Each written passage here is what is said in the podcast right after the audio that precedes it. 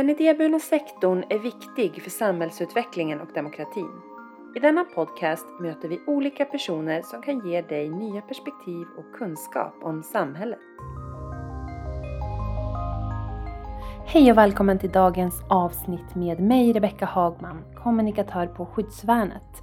Idag har vi fått äran att prata med den engagerade Martin Ernlöv som är generalsekreterare för Röda Korset. Han är även ordförande för någonting som kallas Nysta. Vi har även med oss Marita Fernström som är biträdande direktor på Skyddsvärnet. Hej Martin och välkommen hit! Tack för det! Hur mår du idag? Jag mår bra, tack! Hur brukar du presentera dig för någon som inte känner dig? Då säger jag att jag är en småstadskille från Alingsås som är gift med Tove och har tre grabbar tillsammans med henne. Och att jag yrkesmässigt är civilekonom som har jobbat halva yrkeslivet i tillverkningsindustri internationellt och halva i civilsamhället. Och du arbetar ju just nu som generalsekreterare på Svenska Röda Korset. Kan du berätta om vad det uppdraget innebär? Ja, det är ett spännande uppdrag. Det är ett väldigt roligt arbete. Röda korsrörelsen hänger ju internationellt ihop eh, på det viset att det finns en förening per land kan man säga och det finns det i nästan hela världen. Det finns 192 nationella Röda korsföreningar i, i i världen. Och hur de ser ut är lite olika då. I en del länder så bär de stora delar av landets eh, sjukinfrastruktur kan man säga, hälsoinfrastruktur och i vissa länder så är man väldigt, väldigt, väldigt små och jobbar nästan bara med, med lokala frågor. Svenska Röda Korset då är 50-50. Vi har eh, ungefär hälften av våran verksamhet internationellt där vi stöttar internationella projekt och katastrofinsatser och hälften i Sverige. Och då är, går mitt jobb ut på att försöka få ihop de här delarna, att se till att vi har finansiering för det vi gör, att vi bygger förtroende för det vi gör men också att vi påverkar och mobiliserar frivillighet och eh, fungerar som en kris och katastrofaktör också i Sverige. Mm. Det känns som ett arbete med väldigt stort ansvar. Ja, men, men eh, jag tror det, det är väl ett ansvar som vi alla har på olika sätt och jag har lärt mig en del hoppas jag under mitt yrkesliv för att hjälpa till med det.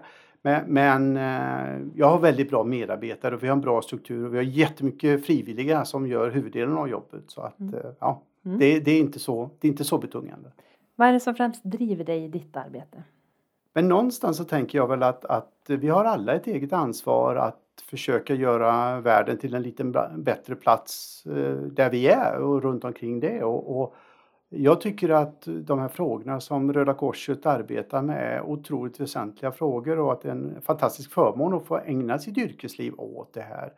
Humanitära dimensioner, hjälpa människor som är i svår utsatthet oavsett om det är på grund av naturkatastrofer eller på grund av långvariga konflikter och krig och konsekvenser av det. Alltså att folk flyr och att folk inte får tak över huvudet och mat och vatten. Och, ja, jag tycker det är oerhört meningsfullt att få arbeta med det. Är däremot svårt, alltså hitta det arbetet och göra det på ett bra sätt det är inte så enkelt. Men, men, men det, jag tycker det är väldigt meningsfullt. Under pandemin nu, har det skett stora förändringar i ert arbete på grund av situationen i världen? Ja, och också i Sverige alltså att vi har ju vi har lokalföreningar i Röda Korset i Sverige i nästan alla kommuner, 279 av 291 kommuner. Och eh, en stor, stor del av de lokalföreningarna har ju också fått ställa om hela sitt lokala arbete till att vara då eh, ge gensvar på, på pandemin. Och när vi spelar in det här då, då är det precis i början på december och Sverige är nedsläckt igen kan man väl säga då. Men, men, vi har ju under en stor del av det här året hjälpt äldre människor att hämta ut recept, att handla,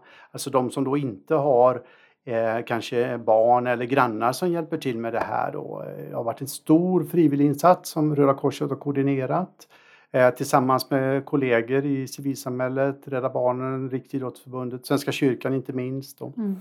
Eh, vi har också inrättat nationella stödtelefoner, vårt ungdomsförbund har startat upp digital läxhjälp. Alltså vi har ställt om oerhört mycket verksamhet.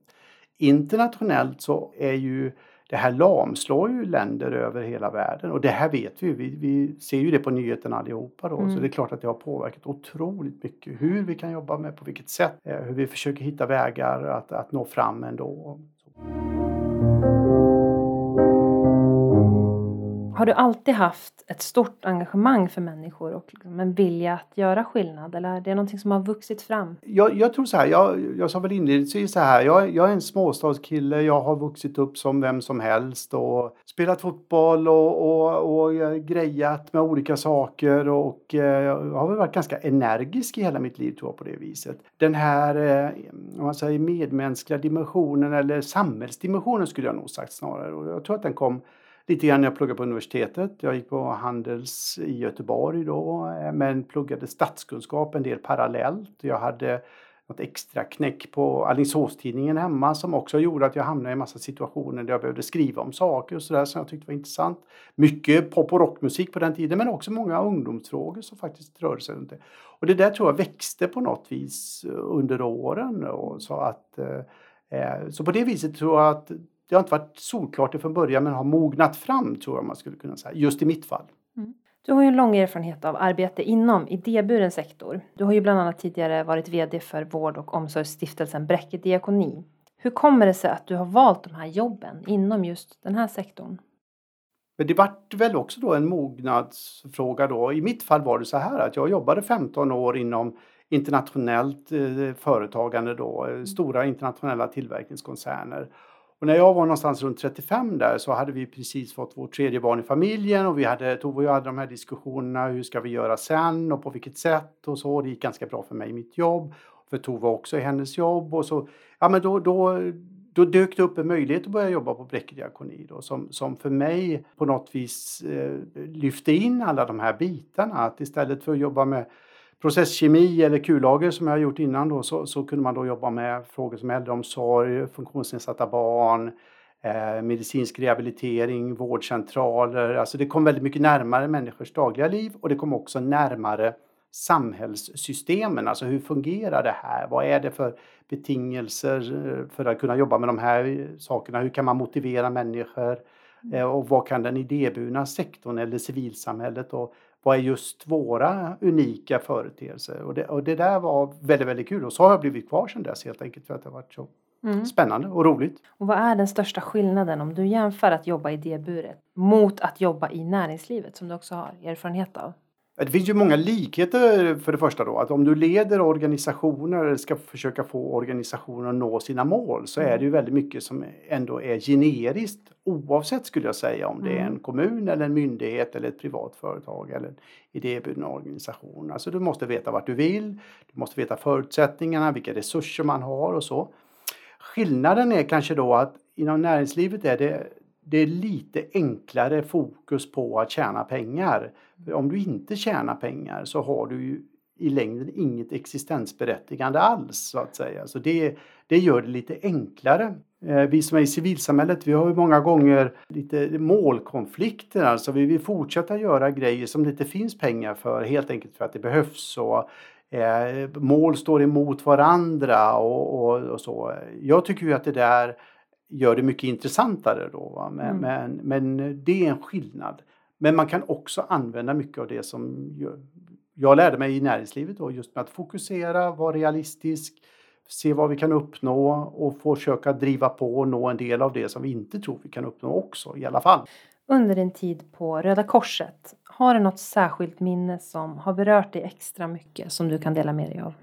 Jag har varit två och ett halvt år nu på Röda Korset och, och det är klart eh, om man åker utomlands, om man åker till några, jag har varit i fyra, fem, sex ganska allvarliga flykting och konfliktområden och det är klart att, att, när man möter människor där och ser hur de är precis som, som vem som helst och då är det ju förstås så. Det är väldigt berörande.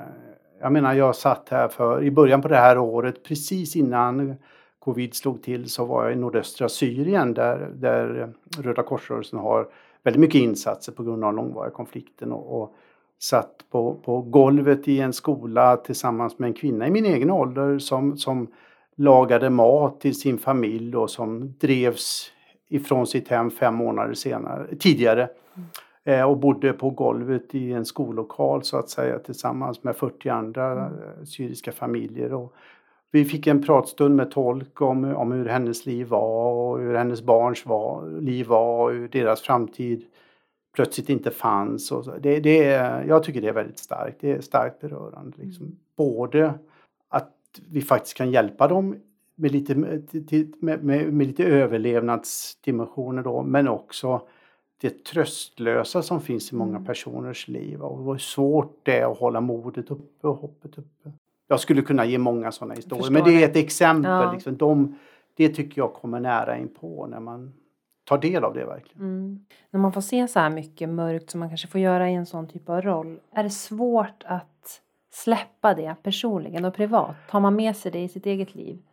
Men jag tror, om, det, om jag bara gestaltar det som mörkt så, så tror jag det kom ut fel. Och, ja. alltså, jag tycker att det är samtidigt väldigt mycket hopp. Va? Det mm. här är ju människor, det här är mammor och pappor och mormödrar och brorsor som, som försöker hjälpa till och försöker liksom hitta vägar fram. Men, men det är klart att när de låter när de låter masken falla en liten stund så känner man liksom desperationen. Mm. Eh, nej, jag tycker inte att det är tungt eh, på det viset. Jag tycker att det är inspirerande att ändå försöka se hur kan vi gå eh, en extra kilometer i det här? Skulle vi kunna göra någonting mer? Kan Svenska Röda Korset bidra på något ytterligare mm. sätt? Kan den humanitära dimensionen i världen hjälpa till? Och på vilket sätt kan förutsättningarna på plats bli bättre för att man ska, för att människor ska kunna mm. försörja sig och ha sina liv och, och, och sätta barn till världen med tillförsikt. Mm. Ett fint perspektiv. Anser du att den idéburna sektorn är underutnyttjad när det kommer till att lösa dagens stora samhällsproblem? Tänker du i Sverige då? Ja, men framförallt i Sverige. För här är ju den idéburna sektorn mindre om man jämför med många andra länder. Eh, om man ställer det mot offentliga och privata. Ja, det tycker jag att den är. Jag tycker att den är underutnyttjad i Sverige. Jag tror att Eh, det svenska samhället skulle må bra av en idéburen eh, sektor som var större än vad den är idag. Helt enkelt för att den tillför någonting som, som eh, offentliga utförare eller privatkommersiella utförare inte riktigt har på samma sätt. Va? Mm. Ofta så har vi en närhet till dem vi jobbar för. Alltså vi, vi, många av våra medarbetare kommer ur de grupperna eller har jobbat länge med det. Ofta är det personer, oavsett om man är anställd eller frivillig, som brinner lite extra för de här grupperna. Eh, det betyder inte att andra inte gör det, men det finns en sån nerv i det som är extra. Och jag tycker också att det är eh, civilsamhällets organisationer är bra på att ha örat mot rälsen så att säga. Höra vad är det som kommer? Hur, ser, hur skulle vi kunna liksom förekomma problem genom att agera på ett tydligt sätt. Och då tror jag att idéburna organisationer också i välfärden, det som vi ibland, vård, skola, omsorg så att säga, eh, har en otroligt nyttig roll att spela. Och jag tycker den är underutvecklad i Sverige. Vad tror du måste till då för att vi ska ta en större plats? Jag tror att, eh, jag tycker fortfarande då, även om jag inte gillar att vara gnällig eller tycka att, att liksom det är någon annans fel och sådär. Jag tror att det är två saker som, som saknas inom sektorn så är vi, har vi för låg entreprenörskraft. Alltså vi är för mycket trygghetsnarkomaner och vill ha liksom både hängslen och livrem innan vi ger oss in på något nytt. Mm. Men jag tycker också att från samhällets sida då så är det inte så att man kan säga att allting ska lösas med upphandlingar till lägsta pris. Alltså då, då, då tappar man vår sorts organisation på något vis. Va? Och för mig är inte det orättvisa, för mig är det eh, en, en, analys som samhället borde göra. Och istället för att eh, företeelser som idéburet offentligt partnerskap, IOP, mm. inte får livsluft och får nya stöd så, så, så tynar de, tenderar de att tyna bort och mm. inte få. Och det är också svårt att göra den här sortens ehm, kontrakt eller avtal mellan samhället och civilsamhällets organisationer på ett sätt som ger långsiktighet och som hjälper kanske den låga entreprenörskraften i en del av våra organisationer på traven. Så det, det, det skulle jag ha sagt, mm. alltså att det, det behövs båda de två delarna. Eh, du har ett annat uppdrag också eh, där du är ordförande i Nysta. Kan du berätta för någon som inte har hört Nysta-ordet förut? Vad är det för någonting? Jag tror nästan hela Sverige har inte hört Nysta förut egentligen. Eh, Nysta är ett initiativ från ett antal paraplyorganisationer inom civilsamhället som egentligen har kommit ur eh, covid-19 pandemins eh, spår. På vilket sätt skulle civilsamhället kunna hjälpa till att få ett starkare Sverige efter pandemin?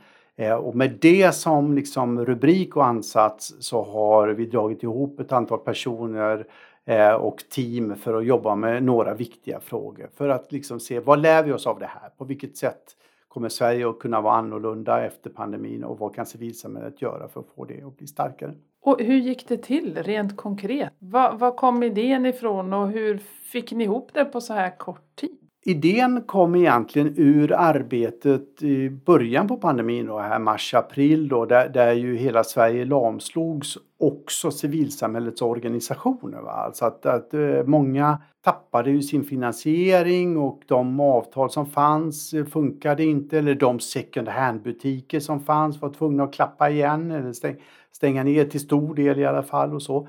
Då, då började ett antal organisationer jobba ihop med att plocka fram underlag för att också kunna eh, se till att försöka få krisstöd helt enkelt in i, i, i civilsamhället. Och medan vi höll på med det, då sa vi också okej, okay, men det här kommer ju bli långvarigt och det här kommer få långvariga konsekvenser. Så inspirerades vi lite grann av andra ansatser som också gjordes eh, kring omstart och sådär och så fick Nysta fick sitt namn utifrån jag tror liksom både nystart då, liksom efter, men också nysta i några olika trådar och se hur vi skulle kunna väva någonting annat av dem. Hur går man då tillväga för att få ihop de här organisationerna som är med i Nysta? För det finns ju en del gemensamt och annat med liknande fokus.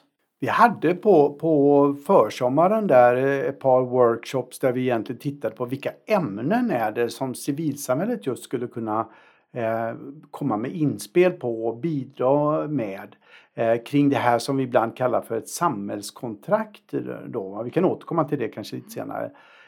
Och runt det då så, så tittade vi, fick vi fram sex stycken speciellt intressanta delteman eller spår eller trådar. Och så började vi kolla lite grann vilka personer skulle kunna vara intresserade av att jobba med det här eh, som kom ifrån civilsamhället men också inte bara därifrån kanske utan hitta någon mix på det.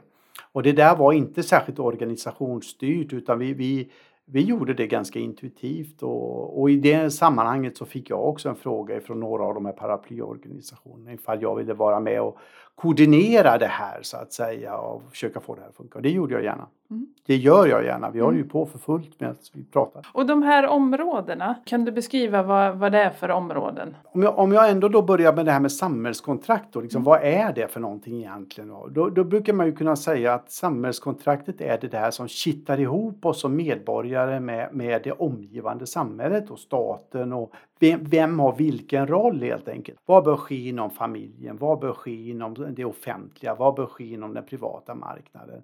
Och att samhällskontraktet på något vis är kittet mellan medborgaren och staten. Så våran tes kan man ju säga är att civilsamhällets roll har ökat i många av de delar som vi kanske för 20-30 år sedan i Sverige på något vis tog för givet att det offentliga skulle ta hand om.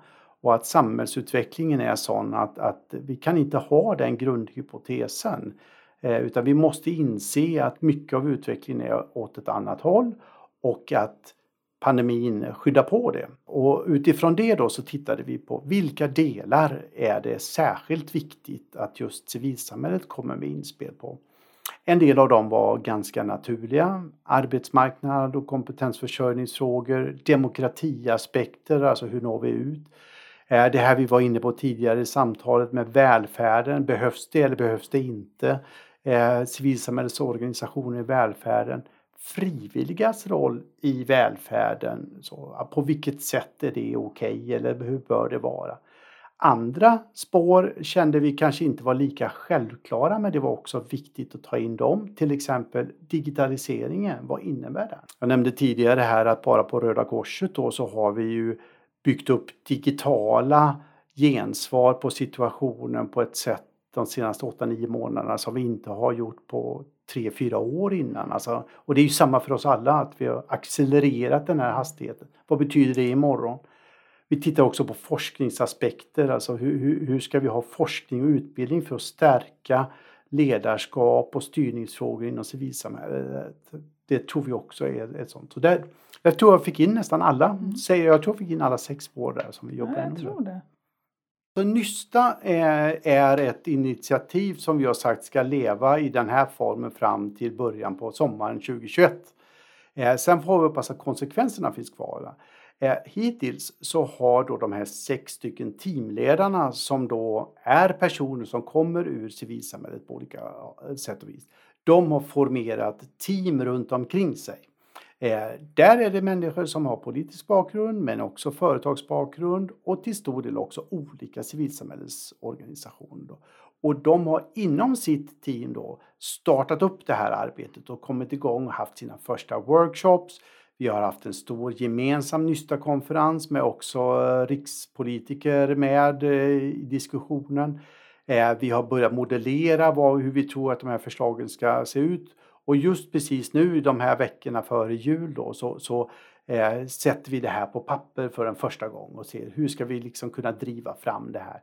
Med målsättningen att det här ska leda till konkreta politiskt genomförbara idéer eh, som man sen kan ta vidare. Och i det offentliga livet kan ju det betyda att det skulle kunna ge en regelförändring eller det skulle kunna ge en utredning eller det skulle kunna ge ett förslag på ett annat uppdrag till en myndighet. Eller någonting sådant, så att säga. lite grann beroende på temana. Och på den vägen i Nysta, vad tänker du att du, du bidrar med eller vad önskar du att bidra med i Nysta? Ja, personligen så, så tänker jag att om jag kan få de här teamledarna att känna att de har handlingsfrihet och, och kan hjälpa dem på traven i deras arbete så, så har jag gjort det jag ska i det här. Eh, I den längre blicken då så hoppas jag att det här leder till att vi kan få en del förändringar på plats som kanske går fortare genom att vi gör jobbet på Nysta. Kanske hade hänt ändå förr eller senare men vi kan skynda på det, alltså pusha på lite extra, få lite extra energi få fokus på ett par frågor som annars inte skulle lyfts på det sättet och att det faktiskt händer. Ja, tack för det inslaget om Nysta. Vi ska börja avrunda och jag undrar, kan du dela med dig av någonting som du tror att många inte vet om dig? Nej, men jag, eh, jag är en mycket bättre utförsåkare än vad folk tror. Jag tar mig med ner för de flesta berg i de flesta, på de flesta underlag. Wow, häftigt. Ja, jag får väl sota för det så småningom genom att jag gör mig illa eller någonting sådär. Nej, men det, ja, det är väl en sån sak. Ja, tack för det. Men då vill jag säga stort tack för att du kom hit och delade med dig av din kunskap. Tack själv.